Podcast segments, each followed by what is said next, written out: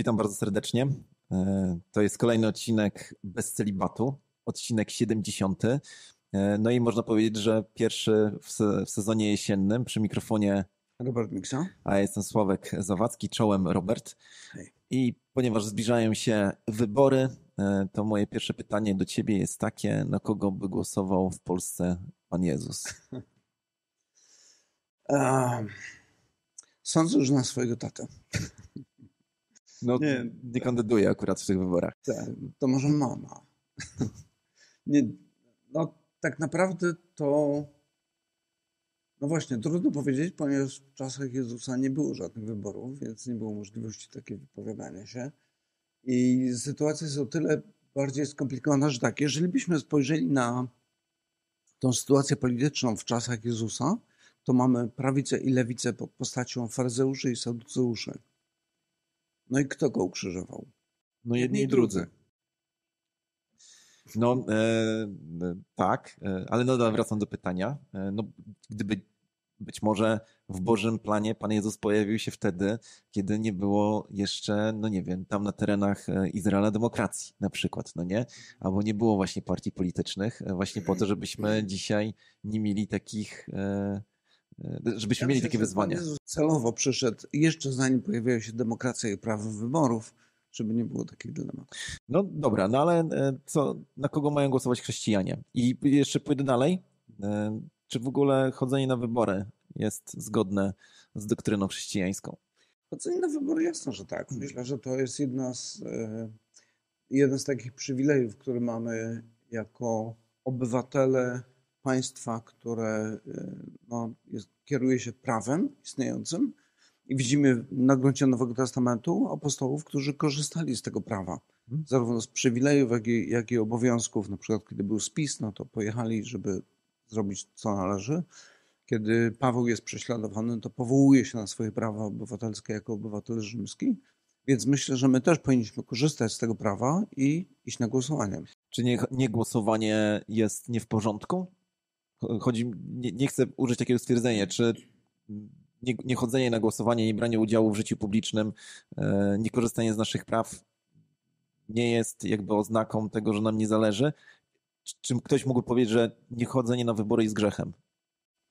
No, to byłoby zbytnie uproszczenie, bo myślę sobie, że i to chyba nie jest tylko charakterystyczne dla naszego kraju, myślę, że chrześcijanie bardzo często mają dylemat. ja nie mam na kogo głosować.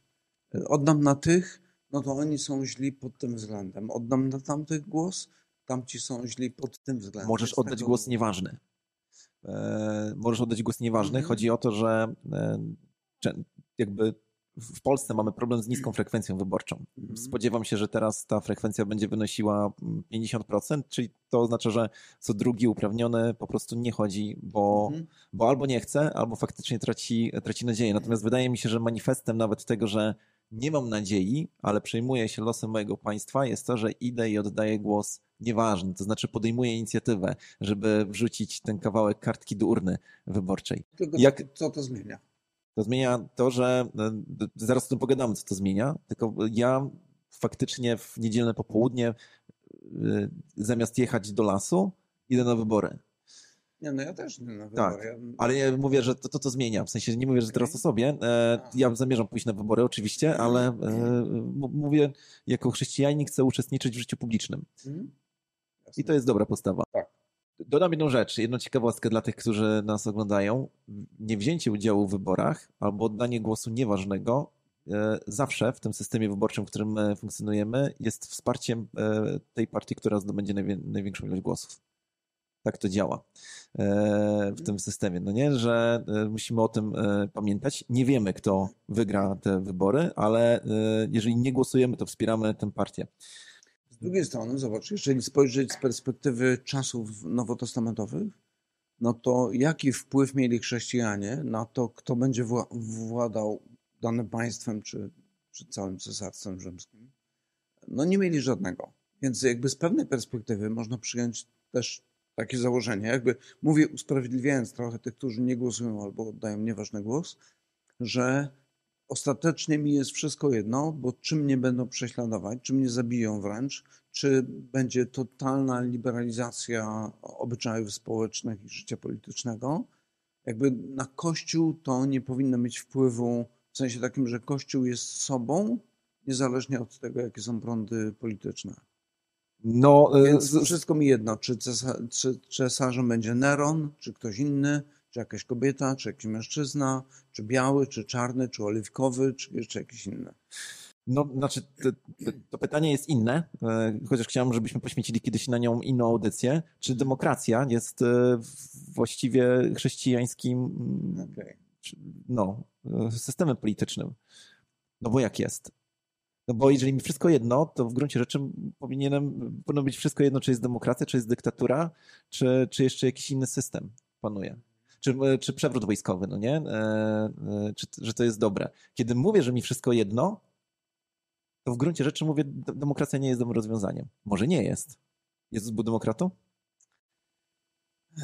Raczej autokratą. No, ale czy był demokratą w systemie, e, no, no, to jest problem, że w czasach Jezusa tylko w Grecji, tak, była demokracja, więc ciężko nam się jakoś e, do tego e, szczególnie odnieść. No ale czy demokratyczny system państwowy to jest, to jest najlepszy system z punktu widzenia, nie wiem, doktryny biblijnej? To, to pytanie z teologicznej perspektywy jest o tyle trudne, że jakby próbujemy zgadnąć, który grzesznik będzie lepszy czy ten, który kradnie, hmm. czy ten, który jest cudzołożnikiem? Albo czy ten może, który nie kradnie, nie cudzołoży, ale zabija? Hmm. Więc w systemie, w systemie, gdzie mamy dyktaturę, e, każdy jest zepsuty i zły. To hmm. o tym wiemy. E, no, no, i systemy demokratyczne właśnie służą e, temu, mhm. żeby ktoś, kto już jest skorumpowany przez władzę i zepsuty, mhm może być przez system demokratyczny odwołany. Tak. No i, i według mnie właśnie w tym względzie jest to lepszy system. E, że mówimy, nie zgadzamy się z, system, z dyktaturą, bo dyktatura, zwróćmy uwagę na jedną rzecz, dyktatura może być dobra. W tym znaczeniu, że zdarzają się takie sytuacje, że przywódcy, tak, że, i, że ten władca psuje się później niż zwykle, no nie? Mhm. Ale generalnie, jeżeli przyjmujemy tę zasadę, że ludzie są jednak zepsuci, to próbujemy wprowadzić mechanizmy, które ograniczają ich władzę. No i po to mamy konstytucję i po to mamy właśnie e, demokrację. I myślę sobie, myślę sobie, że skoro mamy w Polsce e, demokrację i skoro ostatecznie to Bóg zaplanował, żeby w Polsce była demokracja, mhm. no, ten, no to powinniśmy z tego korzystać. No i... E, ja bym tak, chyba tak, że y, siłą demokracji może nie tyle jest to, że możemy zmieniać władzę, co to, że możemy mieć silną opozycję. Mhm. I myślę sobie, że, że to jest chyba najcenniejsze w demokracji, że istnieje opozycja, która może kategorycznie sprzeciwiać się, organizować jakieś sprzeciwy, manifestacje i cokolwiek, po to, żeby powiedzieć rządzącym, że tu się nie zgadzamy, że to, co robicie, jest złe. Albo tutaj absolutnie to powinno wyglądać zupełnie inaczej. I ten głos myślę, że jest ważny rządzący no, w demokratycznym ustrojeniu powinni się bać tego głosu w tym sensie, że albo przy najbliższych wyborach, albo przy jakiejś innej okazji mogą stracić swój elektorat. No, zgadzam się. E... No bo mi tylko chodzi o to, że zamiany jednej władzy na drugą niewiele zmienia, bo jak patrzę na historię naszego kraju w ostatnich kilkudziesięciu latach, no to myślę sobie, nie ma dla mnie większego znaczenia, czy kradną ci, czy kradną tamci. Zgadza się, no, dlatego trzeba zawsze myśleć jeszcze o tych, e, którzy po prostu chcą zmienić cały system, ale to jest, może nawet zbyt dużo teraz powiedziałem. E, w systemach demokratycznych każdy powinien mieć równy głos demokracja zakłada, że każdy ma równy głos, ale czy, no. e, czy to jest ok, że osoby na przykład, które nie angażują się, nie wiem, w życie gospodarcze, społeczne i tak dalej, mają dokładnie taki sam głos, jak te osoby, które poświęciły swoje życie, e, żeby wnieść coś w rozwój kraju? Osoby mniej wykształcone mają dokładnie taki sam głos, jak bardziej wykształcone. Ale zobacz, w ten sposób wartościujesz pracę. Na przykład masz matkę, która całe życie Ja, ja nic nie robię, ja zadaję ci pytanie, Robert. No okej. Okay. E, mamy, powiedzmy tak, mamy matkę, która wy, poświęciła życie e, temu, żeby wychować swoje tak. dzieci, tak. które też później pracują, jakkolwiek tak. są zaangażowane społecznie. Z drugiej strony masz przedsiębiorcę i przyjdzie ktoś i powie, e, no tylko ci, którzy mają wkład w tworzenie PKB, tylko oni mają prawo głosu. Nie? A myślę sobie, no a taka matka, to co? Nie, ale Ona... tutaj, mamy pewną zgodność, że mama, która wychowuje dzieci, ma e, być może nawet większy wkład w PKB niż ten przedsiębiorca. E, tak, tak naprawdę, no nie? Tutaj się zgadzamy, ale podajemy skrajny przykład. Podajemy skrajny przykład osoby, która e, nie, po prostu nie pracuje, jest leniwa i gnuśna. O. Żeby ten, i że ta, ta osoba ma w tej chwili taki sam wpływ na wybór władzy, jak osoba, która e, wychowuje dzieci, pracuje po godzinach, e, podejmuje ryzyko i płaci podatki. Czy to jest ok? No, chciałbym powiedzieć, że nie. Szczególnie, że Paweł na przykład mówi, kto nie chce pracować, niechaj też nie je. Więc wydawało się, że należałoby takie osoby odsunąć od prawa do decydowania o losie innych szczególnie. Tak. Jeżeli nie potrafią o, o swój zadbać. Natomiast problemem jest to, w jaki sposób to weryfikować, jak to prawnie przeprowadzić, ale widzę tutaj pewien zgrzyt. Z drugiej strony powiedziałbym tak, że mam cichą nadzieję, że takich ludzi jest marginalna mniejszość, w takim sensie, że oni nie są w stanie przeważyć losy wyborów. E, ale może jestem zbytnim optymistą? Problem, problem polega na tym, że mm, jednym jeden ze sposobów e, skorumpowania obywateli właśnie w demokracji e, jest to, żeby e, obiecywać i realizować na przykład transfery socjalne. Mówię to naprawdę w oderwaniu od naszej sytuacji. To znaczy, ta władza, która obciąża na przykład pracujących wysokimi podatkami i e, przeznacza środki w ten sposób pozyskane właśnie na transfer dla osób e, mniej zaangażowanych i mniej pracujących, e, pozyskuje te osoby. I, I jak się patrzy na coraz bardziej na struktury demograficzne, no to okazuje się, że osób na przykład, no nie wiem, w Europie pracujących jest coraz mniej, co wynika chociażby z tego, że starzeje się nam społeczeństwo e, i, i, to, i to jest jakiś tam problem. Ale dobra. E, kiedy dyskutujemy o, e, o wyborach, na kogo będziesz głosował? Odpowiedź jest pomidor, zawsze jest pomidor. Ale chodzi o to, że kiedy myślimy, myślimy o, o tym, na kogo głosować, to bierzemy sobie kilka takich płaszczyzn i patrzymy, jak w, danej, w danym obszarze dana partia, e, jakie ma postulaty. I chciałem się ciebie zapytać o kilka właśnie takich, e, takich obszarów. Zacznijmy od e, polityki podatkowej. Czy z perspektywy chrześcijańskiej możesz odpowiadać, że, że nie ma to znaczenia, ale może coś ten. Czy, czy do, dobra władza to taka, która obciąża podatkami najbogatszych? Jak powinien wyglądać system podatkowy? Na kogo? No, każda władza obciąża i powinna obciążać swoich obywateli. Pytasz, czy tylko bogatsi Ta, Najbogatszych, czy... tak. Bo to, że. No nie, nie, w ogóle? A mniej. No bo e, mamy dwa.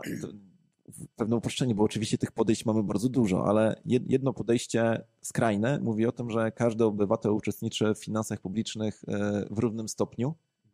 Nie ma państwa, które by to robiło w równym stopniu to by oznaczyło, że e, bez względu na to, czy jesteś e, pracujący, czy niepracujący, płacisz taką samą ilość podatku w wartościach bezwzględnych, na przykład 100 zł albo 1000. E, więc nie ma takiego państwa. No więc stosowane są na przykład podatki liniowe, mówiące o tym, że tyle, ile zarabiasz, to my ci zabieramy odpowiedni procent. Taki sam A, Tak, ale procent, czyli już jest tak. to wartość względna, ale są również mechanizmy progresywne, mówiące o tym, że im więcej zarabiasz, to my ci nie zabieramy 10%, na przykład, czy tam 19%, mhm. tylko jak przekroczysz jakiś próg, to my ci zabierzemy dwa razy więcej. Tak. A, e, a, w Polsce na przykład jeszcze jest taki, taki podatek, który nazywa się podatkiem solidarnościowym. To znaczy, że jeżeli osoba fizyczna w ciągu roku zarobi więcej niż milion złotych, nieważne mhm. czy z pracy, czy z inwestycji i tak dalej, to do, dolicza się jeszcze 4 4%. 4%. E, dla, dla jasności mechanizmy solidarnościowe nie są stosowane przez obecną władzę, przez poprzednią też były, tylko w mhm. trochę innych e, układzie, więc to nie jest tak, że cokolwiek teraz powiesz wskaże na którąkolwiek z partii. E, jakie podejście jest wyrazem jakie podatki byłyby w Królestwie Bożym?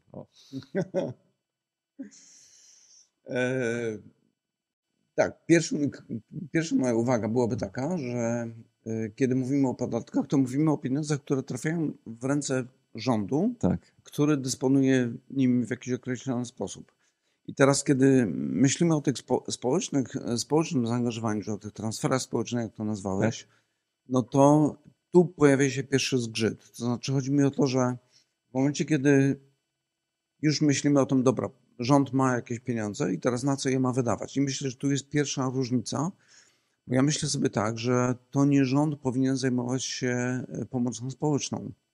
Pomocą społeczną powinni, powinni się zajmować inni ludzie, w szczególności Kościół. E, I myślę, że najlepsze, co rząd może zrobić, to stworzyć takie mechanizmy, które sprawiałyby, że e, wierzący ludzie, chrześcijanie, no, mają na tyle duże zasoby, ponieważ państwo im nie zabrało, w tym sensie duże hmm.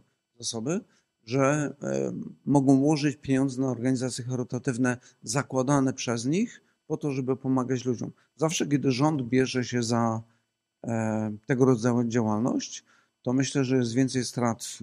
No to przerysowuję może więcej strat niż pożytku, ale chodzi mi o to, że rząd rzadko kiedy jest dobrym przedsiębiorcą. No, nigdy nie jest. E, nigdy, no dobra. Okay. No. No, myślę, że dużo lepiej zrobią to ludzie, którzy sami łożą na te organizacje, oni je tworzą albo współtworzą i dystrybuują te pieniądze w taki sposób, jak uważają, jak widzą, bo są głęboko w społeczeństwie, a nie gdzieś tam daleko od, odcięci od społeczeństwa. No właśnie poruszyłeś e, e, inny obszar polityki, to jest polityka socjalna. Mhm. Bo jedno pytanie jest takie, e, kto ma płacić podatki i ile? Mhm. A drugie pytanie, jak pieniądze pochodzące z podatków mają być wydawane? I jeżeli rozumiem, że Twój światopogląd czy Twoje podejście mówi o tym, że najlepiej by było, żeby ludzie sami decydowali, komu chcą pomóc, tak, a, nie, e, a, a nie, nie, robić to odgórnie gdzieś tak. tam ze szczebla centralnego. Tak. E, wrócę jeszcze do tematu podatków. Jeszcze raz, czy najbogaci powinni płacić zdecydowanie więcej niż e, ludzie średnio zarabiający albo najmniej zarabiający? No to, to brzmi jak, jak, no właśnie, po pierwsze niedowierzanie, że oni będą wiedzieli, co zrobić z tymi tak. pieniędzmi, a z drugiej strony karanie ich za przedsiębiorczość. Tak. Więc raczej bym powiedział tak, że należy tworzyć takie mechanizmy, żeby wszyscy współtworzyli PKB w sposób proporcjonalny. Tu jestem za, powiedzmy, liniowym podatkiem, chociaż nie wiem, czy powinien tak publicznie mówić jako pastor za no, jaką to, to, opcją jestem. Nie, bo e, kiedy mówisz o podatkach, to jeszcze nie, to niekoniecznie oznacza, że no tak, wspierasz jakąś partię polityczną. Jasne, kiedy rozmawiamy po prostu o tym, jak ma funkcję. Mhm. Mm, przecież... E, Jejku, Augustyn też pisał o państwie, e, no nie, jak no powinno tak. działać, a to wcale nie oznacza, że wspierał jakąś e, opcję no to, polityczną. To, to, mm. logiczne. Ale chodzi mi o to, że kiedy myślę sobie z perspektywy biblijnej, to kiedy patrzymy w jaki sposób zarządzane były, no powiedzmy, to jest model ten starotestamentowy jeszcze, czy to świątynia, czy dwór królewski, no to zawsze to był proporcjonalny udział w stosunku do tego, co człowiek miał, jaki miał zysk. Właśnie, że, było, e, że, że to było no, różne rodzaje dziesięcin. No, tak, nie? zarówno na dwór płaciło się około 10%, jak i na świątynię też 10%. Nie? Jest, tak. Plus była jeszcze taka danina raz na 3 lata na, na biednych i najsłabszych w społeczeństwie. Mm, no to jest ciekawe. To znaczy, ja, ja, jestem fanem podatku VAT. Kiedyś chyba o tym rozmawialiśmy, tak, tak mi się wydaje. No bo jakby im więcej korzystam z usług państwa, tym więcej po prostu płacę. A to, że korzystam z usług państwa wynika z tego, że kupuję chleb w piekarni. No, no, bo... prawda, zobacz, że to jest techniczne rozwiązanie, no bo de facto im więcej masz pieniędzy, tym więcej kupujesz. Więc proporcjonalnie oddajesz więcej pieniędzy w postaci podatku. E, ale jest jednak trochę inne, no, dlatego że ja mogę jasne, odkładać te tak. pieniądze, mogę inwestować, tak. mogę ich nie wydawać, e, a dziesięcina miała to do siebie, że na, na, w momencie powstawania mojego przychodu ja proporcjonalną część e, tego przychodu oddawałem na świątynię czy na innych. Myślę, że to jest ciekawa wskazówka. Czyli nie, jakby nie ma progresji, ale jest liniowość. E, to, jest, to, jest, to jest ciekawe. No dobra. Polityka klimatyczna. To jest taki temat. Taki... Czuję się przepytywany jak polityk, który ubiega się o to, żeby być wybranym. No bo to też jest taki temat, który jest takim gorącym kartoflem, e, zwłaszcza w rozmowach właśnie o podejściu chrześcijan. E, czy powinniśmy mieć agresywną politykę klimatyczną, co rozumiem w ten sposób, że ograniczamy wydobycie węgla, e, zamykamy kopalnie, co wywołuje wpływ na nasze takie życie, wiesz, gospodarcze, bo na przykład musimy nie wiem, korzystać z rozwiązań energetycznych, które okazują się ostatecznie droższe e, dla nas. Ale jeżeli nie będziemy tego robić, no to gdzieś w przyszłości kiedyś Ziemia się zepsuje, no nie, bo już będzie bardzo, bardzo niedobrze. I jest, jest jeszcze jeden problem, mianowicie w Europie stosuje się w tej chwili dość taką właśnie agresywną politykę klimatyczną, ze świadomością, że nie wszystkie kontynenty idą tą samą drogą jak powinno być? Czy Polska do 2040 roku powinna ograniczyć wydobycie węgla e, do jakichś minimalnych poziomów, czy jednak powinniśmy być tutaj swobodni? Nie, no myślę, że tutaj jakaś swoboda jest potrzebna, szczególnie, że sprawy klimatyczne są mocno dyskusyjne, nawet w środowisku naukowców, bo okazuje się, że my tak naprawdę nie bardzo wiemy, co wpływa na klimat. Jakiś tam wpływ ma e, emisyjność naszej produkcji czy przedsiębiorstw no, przedsiębiorstw, które produkują tak zwane gazy cieplarniane, ale de facto to... Albo to inne pytanie, czy y, Biblia nakłada na nas obowiązek dbania o ziemię? No zdecydowanie, ale to myślę, że jest w tym sensie, że no bo jest, jest ten mandat, kiedy Pan Bóg umieszcza człowieka w ogrodzie Eden, to mówi masz go, masz panować nad tym, co się dzieje i masz go strzec. Więc z jednej strony jakby człowiek jest po pierwsze ponad środowiskiem, e, on nie jest częścią tego środowiska, tylko jest no, jego panem w, tak. z tym mandatem, który otrzymuje od Boga. Z drugiej strony ma go strzec i to pewnie z jednej strony chodziło o jakieś tam dzikie zwierzęta, które mogą popsuć to, co robi w ogrodzie na przykład, mhm. Jak i też po prostu dbać o to środowisko. Nie?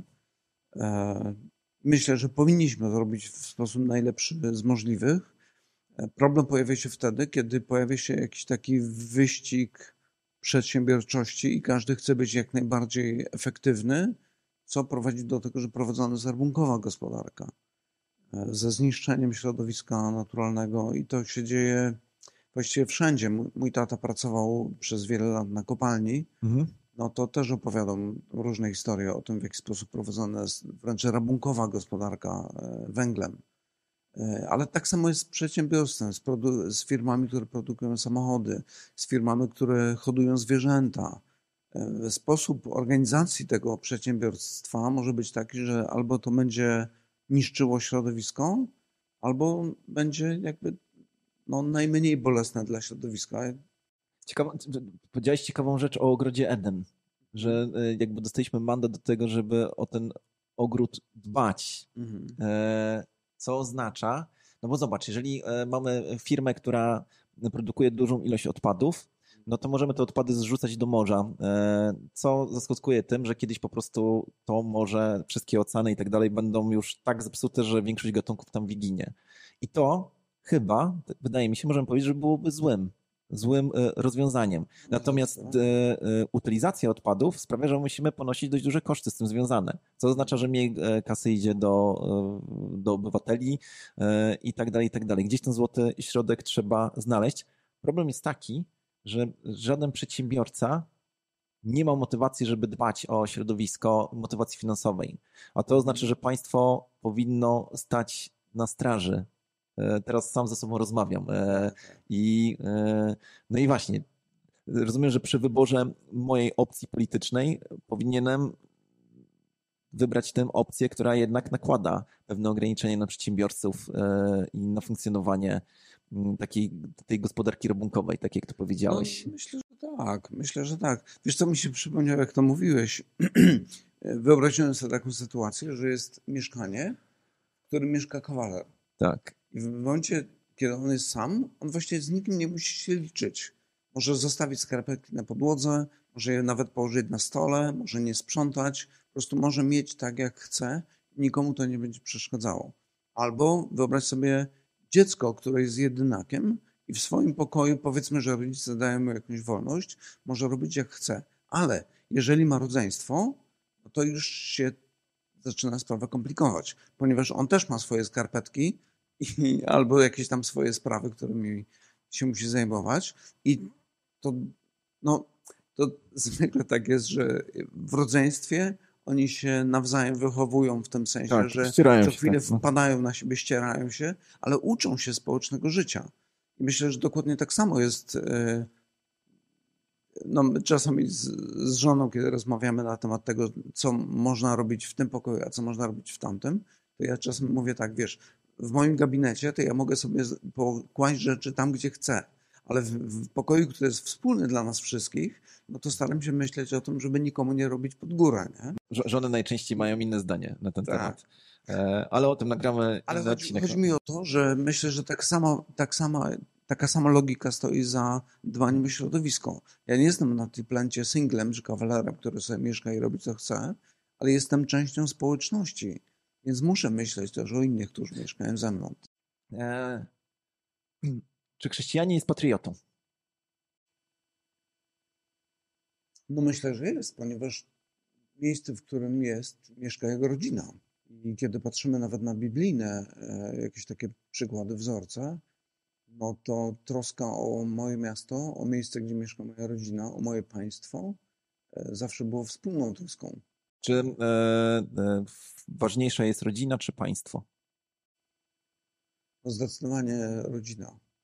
Mhm. Ale Czyli państwo jest potrzebne z powodów takich. nie wiem, no, pytam się ciebie teraz o tę kwestię, którą e, wielu Ukraińców sobie zadaje to pytanie. Czy zostać na Ukrainie i walczyć? o, w tym sensie. Tak. Czy, czy jakby wykazując największe wartości patriotyczne w rozumieniu niektórych? Bo, bo ja na przykład rozumiem, że dla kogoś patriotyzmem może być to, że dbam o swoją rodzinę. Jednocześnie e, pielęgnując e, wiedzę o moich korzeniach, o historii mojego państwa i tak dalej. Ale mm, no właśnie, e, zadaję to pytanie jeszcze raz. Czy ważniejsza jest dla mnie rodzina, czy moje państwo? Myślę, że z takiej teologicznej perspektywy jeden powie, że rodzina jest najważniejsza. Natomiast w momencie, kiedy miałbym decydować, y, to my też jako Polacy mieliśmy takie dylematy, będąc czy to Ukraińcem, który wyjeżdża z powodu wojny gdzieś za granicę, ponieważ ma na przykład czwórkę dzieci, bo tam Tak. też takie prawo było, że te osoby mogły. I pojawia się potem pytanie, czy wrócić, czy e, pozostać w danym kraju. No to myślę sobie, że to jest dylemat, na który ja nie mam odpowiedzi. Tak. I to jest chyba sprawa sumienia, na ile rzeczywiście powinienem poświęcić jakby dobro mojej rodziny i wrócić do kraju, gdzie jest no, w stanie powojennym będzie zdecydowanie gorzej niż e, na przykład w Polsce, czy w Niemczech, czy w jakimś innym kraju. Wolny rynek rozwiązuje to w ten sposób, że zawsze część naszej rodziny zostaje na tych terenach e, wojennych e, i my wspieramy ich wtedy kapitałowo i państwo może, e, może się podźwignąć e, z tego. Natomiast zgadzam się z tobą, że tutaj nie ma jasnej odpowiedzi. Nie ma jasnej odpowiedzi i to jest zawsze kwestia e, Taka sumienia. ciekawostka mi się przypomniała, że na Bliskim Wschodzie, czy jesteś mieszkańcem Syrii, ale w Izraelu chyba też tak jest, że jeżeli nie mieszkasz na terenie kraju, to płacisz wyższy podatek i wysyłasz go do Izraela. No tak, że wspierasz ten sposób. to jest jakiś sposób, nie? Ale to już techniczna sprawa. E, Kiedy zadałem to pytanie o patriotyzm, tam było jeszcze jedna rzecz. To znaczy, na ile mm, powinniśmy oddawać, e, delegować władzę do systemów pozapaństwowych, na przykład do Unii Europejskiej. E, W 1997 roku, kiedy przyjmowaliśmy nową konstytucję, to tam było bardzo, bardzo dużo kontrowersji, ale jedną z kontrowersji było to, że polska konstytucja przewiduje, że część władzy może być delegowana do organizacji międzynarodowych zewnętrznych, e, co oczywiście spotyka się z wielkim oporem konserwatystów. E, Jak? Czy tutaj mamy jakieś wskazówki w tym zakresie? Wiesz co, no ja bym powiedział jak najmniej. Jak najmniej. No bo to jest tak, jak masz swo- rodzinę nawet w swoim kraju, Mhm. no to jakby ty odpowiadasz za swoją rodzinę i ta rodzina jest samowładna w pewnym sensie, ale w innym sensie albo w innych obszarach e, państwo ma jakiś wpływ na twoje życie. Król, jeżeli to był Izrael, powiedzmy tam okres starotestamentowy, miał wpływ na życie obywateli, nakładając na przykład pańszczyznę albo, nie wiem, organizując wyprawę wojenną czy cokolwiek. Więc gdzieś, ale to jest tylko jakiś, powiedzmy tak, jak najmniej. Jak najmniej delegowanie czy oddawanie władzy obcym. Kończy się już nam czas audycji, ale jednym z pytań, które też się zadaje przy, e, przy dyskusji o polityce, jest to, czy władza powinna być e, sprawowana bardziej przez samorządy, czy przez e, jednostkę centralną. No i samorządowcy oczywiście mówią, że. Odpowiedź na to pytanie jest tak. Przez samorządy? Nie, czy... Zapytałeś, czy, to, czy ci, czy ci? Tak. Tak. Rozumiem, okej. Okay. No, chodzi mi o to, że to są inne, inne kompetencje, inne obszary. E, tylko no, to musi być ale może, może podzielone. Tak, tylko e, sytuacja jest taka, że samorządy dzisiaj walczą o to, żeby mieć więcej kompetencji. E, no i teraz. No im więcej, tym lepiej bym powiedział. Tak, no właśnie. Czy w tym momencie ruchy państwotwórcze, które doprowadzają do tego, że jakieś regiony w państwie zaczynają mówić, my chcemy być niezależnym państwem, są właściwe? Tak jak na przykład mamy w tej chwili e, to e, w Hiszpanii, tak? Katalończycy bardzo mocno walczą o to, żeby stać się niezależnym państwem, czy, czy oczywiście sama Hiszpania mówi, że, że nie, że się nie godzi. I teraz, je, jeżeli weźmy dwa skrajne modele, jeżeli e, jako państwo godzimy się na to, żeby organizacje międzynarodowe przejmowały część naszych władczych kompetencji, to, to jest jakby jeden skrajny model, a drugi skrajny model mówi nie, żadnego, żadnej władzy na zewnątrz, nie oddajemy, nie godzimy się na żadne federacje, na uczestniczenie w jakichkolwiek e, wspólnotach e, i tak dalej. Jeżeli przyjmujemy ten drugi model, to oznacza, że godzimy się na to, że samorządy albo jakieś e, regiony będą walczyły o swoją autonomię. Mhm. E, I to jest ten problem, przy którym dzisiaj stoją e, rządzący. Zresztą jak się mhm. spojrzy na przykład na politykę międzynarodową, to wtedy, kiedy jakieś regiony ciemiężone gdzieś tam w, na wschodzie próbują e, walczyć o swoją autonomię, to na przykład Hiszpania, o której teraz wspomniałem, nie zabiera głosu. Bo gdyby zabrała głos, to no, nie, nie może zabrać głosu takiego, że jest mhm. przeciwna, no bo to byśmy od razu powiedzieli, że coś tam, ale jeżeli by, by poparła, to w tym momencie jej e, tam siły e, katalońskie się uruchamiają. Ale dobra, to... Dam Ci jeszcze inny przykład, bo myślę, że on będzie też odpowiedzią na Twoje pytanie. To jest sytuacja, jaka jest w Szwajcarii. Tam jest tak, że jeżeli chcesz zamieszkać w jakimś mieście i być obywatelem szwajcarskim, to to się nie odbywa na szczeblu centralnym mhm. ale gdzieś tam lokalnie, nie wiem, czy na poziomie kantonu, czy jeszcze niżej gdzieś. Chodzi o to, że jeżeli twoi sąsiedzi nie wydadzą ci pozytywnej opinii, to nie możesz być obywatelem Szwajcarii. Więc to myślę, że i to mi się bardzo podoba, no bo to de facto, no kto w centrali gdzieś tam, e, kogo to obchodzi, jak będą wyglądały stosunki sąsiedzkie w jakimś małym miasteczku czy wiosce, w odległej gdzieś tam od stolicy miejscowości, ale lokalsi wiedzą, jak to będzie wyglądało i oni nie chcą, żeby ten człowiek mieszkał, ponieważ dał się poznać od najgorszej możliwej strony. No tak, tutaj taka ciekawostka, że Szwajcaria jest ostatnim, ostatnim państwem na świecie, gdzie część decyzji lokalnych ciągle jest podejmowana przez wiece. Przez wiece? Tak, no, ludzie wychodzą na, wychodzą na środek i podnoszą ręce. A, na, na, naprawdę tak jest. E, zachęcam do sprawdzenia. Myślę, że bardziej namieszaliśmy w głowach tą naszą dyskusją niż daliśmy odpowiedź, na kogo głosować. Tak czy inaczej, wybory się zbliżają, nie każdy w swoim sercu rozważy, na kogo e, głosować albo czy głosować. Czy coś chciałbyś, Robert, jeszcze dodać w tej audycji? Wiesz co, ktoś zapytał mnie o to, e, jak głosować. Czy mogę głosować na lewicę, czy mogę głosować na prawicę. I moja odpowiedź była taka, wiesz co, głosuj na mniejsze zło. Bo dobra po politykach to trudno się spodziewać, ale jak już będzie mniej tego zła, no to będzie lepiej. I tym akcentem kończymy to wydanie bez celibatu. Proszę pamiętajcie o tym, żeby komentować, żeby lajkować, żeby udostępniać. E, to jest bardzo, bardzo ważne, choćby ze względu na nasze zasięgi. Dzięki Robert